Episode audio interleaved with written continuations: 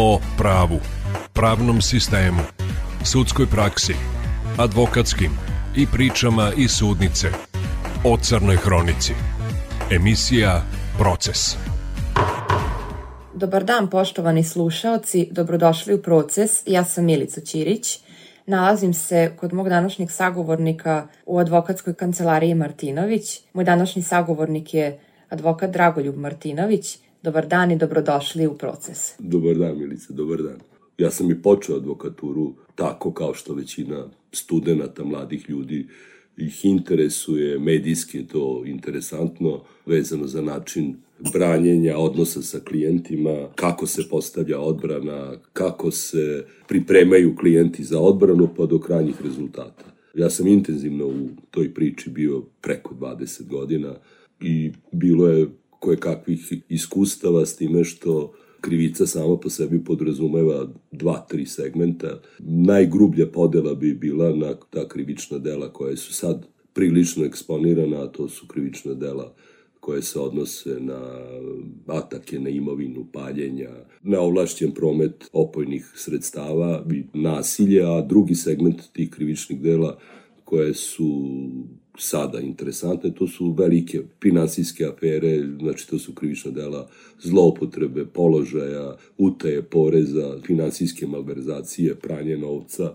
i to je e, nešto sasvim drugačije. Čak sad postoji posebno koruptivno odelenje u Novom Sadu koje se bavi time. Prošao sam dve faze krivice. Jedna faza krivice je bila pre donošenja novog, onda se zvao novi, to je već stari zakonik o krivičnom postupku, gde je istragu radio sud, odnosno istražni sudija, sada je istraga poverena tužiocima u situaciji gde tužilac koji gradi optužnicu ili pokušava da dokaže osnovnost sumnje, se faktički bavi izvođenjem dokaza, a advokat u toj odbrani ima sasvim drugačiju procesnu ulogu i sasvim drugačija ovlašćenja nego što je to bilo ranije.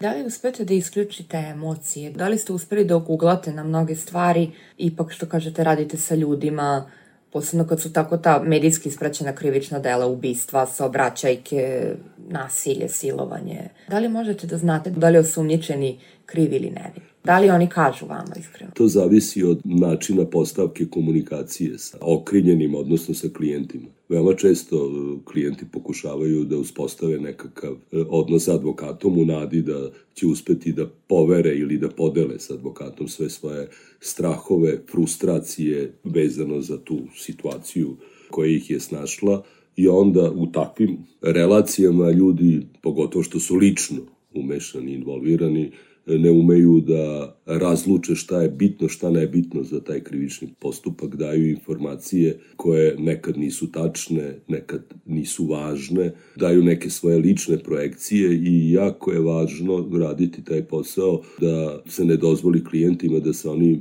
na bilo koji način umešaju u strategiju odbrane zbog toga što nemaju ni znanja ni jasnu kristalnu sliku šta je tu bitno, šta je potrebno. A što se tiče same činjenice jer nekad gro tih klijenata su neki ljudi sa kojima imaš neka prethodna iskustva, da pokušaš da isključiš tu emotivnu involviranost prema klijentu, zato što to zamagljuje sliku i otežava postavku odbrane na pravi način.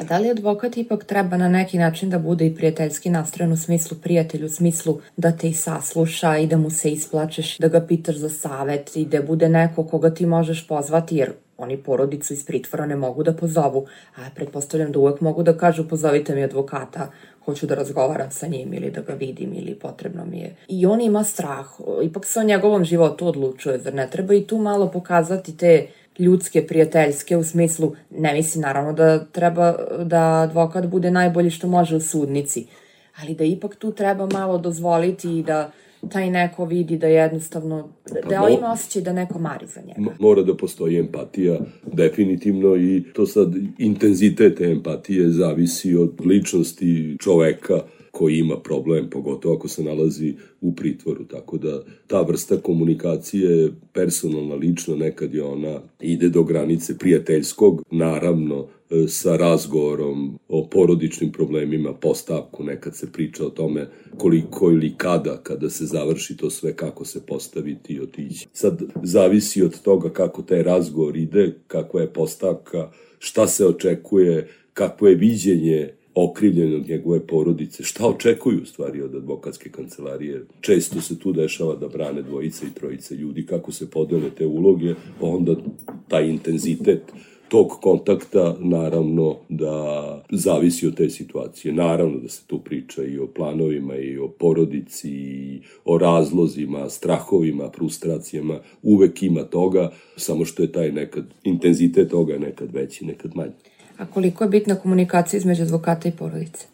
Naravno da je bitno pogotovo ako je pritvorski predmet. Ako nije pritvorski predmet, onda to nije preterano važno. Treba izbegavati situacije, jer često ljudi, porodica, se savetuje ili u toj situaciji traži se kao kod doktora drugo mišljenje i onda često porodica u dobroj nameri može da pokvari komunikaciju ili da utiče na odbranu i to je neka granica gde neko ko radi pogotovo krivicu ako oseti da donošenje odluka polako prelazi u ruke nekih ljudi koji stoje u pozadini, u back-offu ili članova porodica, onda treba izaći iz takvih predmeta. Da li ste nekada branili predmet u kom ste žrtvu lično poznavali? Ne.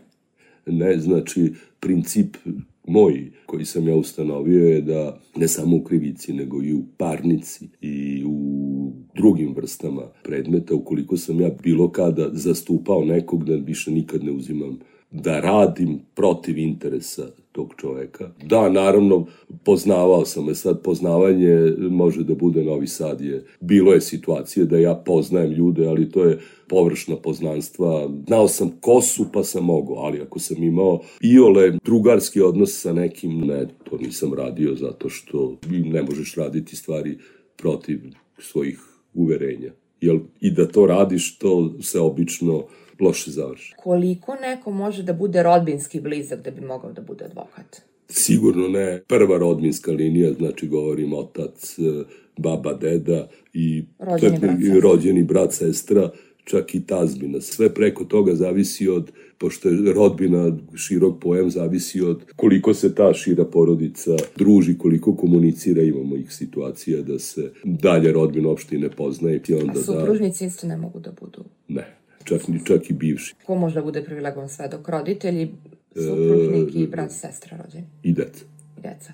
To znači da se upozoravaju da ne moraju da daju iskaz, ali ukoliko se odluče da daju, da onda moraju da govore istinu. A da li član porodice, ukoliko je počinjacu pomogao da pobegne nakon nekog krivičnog dela i da zakrije bilo šta, da li on odgovara? Saučesnik? Zavisi od kakve vrste pomoći. Da, da može da odgovara, zavisi od vrste pomoći. Jel, ako govorimo o nekom krivičnom delu, hipotetički pričamo, da li on aktivnim radnjama doprinao da pokuša da sakrije tragova krivičnog dela ili da sakrije učiniocima, onda je to aktivno učešće u krivičnom postupku i naravno podložno krivičnom gonjenju.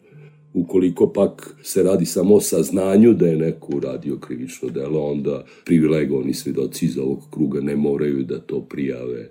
Možete li da nam ispričate neke zanimljive slučajeve koje ste branili, neke anegdote koje su na vas ostavile utisak? Jednom prilikom se sećam da su Sremske Mitrovice dovodili čoveka, odgovarao je za džepne krađe i gde je on uporno pokušavao sudi, osnovni sud je bio u pitanju, da objasni da on u stvari nema nameru da krade, da on je jednostavno bolestan, da je on kleptoman i da on ne može da se uzdrži od situacije da nekog izžepari, da nekom nešto ukrade, bez namere da od toga ostvaruje nekakvu korist. Naravno, to izazivalo ironiju i kod sudije i kod tužioca, zato što je to bilo krajnje neobičajeno. Toj situaciji on je sedeo u pročelju suda, a stražar koji ga je doveo sedeo na klupi jedno 7 metara od njega, gde je on da bi dokazao svoju tvrdnju izvadio iz one uniforme, ne znam, skinuli su mu i lisice, izvadio iz džepa novčanik koji je umeđu vremenu ukrao policajcu i gde je rekao, pa evo ja čak nisam mogao, idem na ovo suđenje, ali ja kad sam video da komandiru viri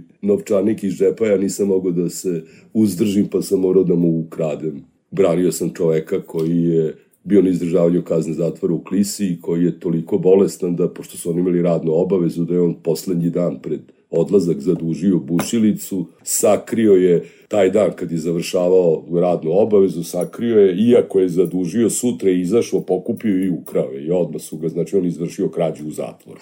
To bi bile neke anegdote. Mnogo vam hvala što ste govorili za Radio Novi Sad. Hvala i vam. Proces.